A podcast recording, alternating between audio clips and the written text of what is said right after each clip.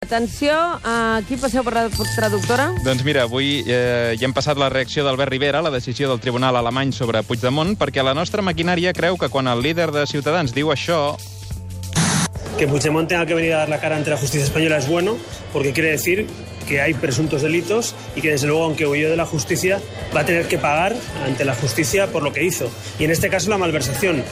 Parlava del rei Joan Carles? O No, de... no, no, no, Ah, no, no, de no. Puigdemont. De Puigdemont. Ah, ah. Però creiem que en el fons està dient això altre. A veure.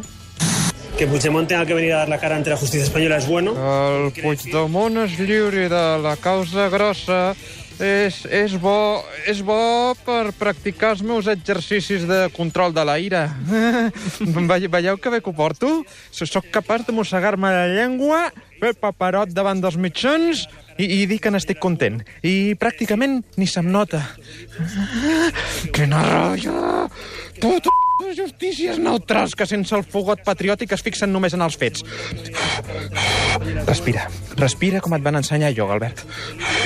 Deixa que els xacres s'equilibrin i et facin conformar-te amb això de la malversació. Malversación. Calma, calma. Qui no es conforma és perquè no vol. Va. Mira molt bé això va dels, ser. dels um, iogues en aquesta època que Ui, estem vivint. ui. Sí. Serà un estiu ple de De- meditació. No, no, meditació, uh, osteòpates, vull dir, atenció, perquè...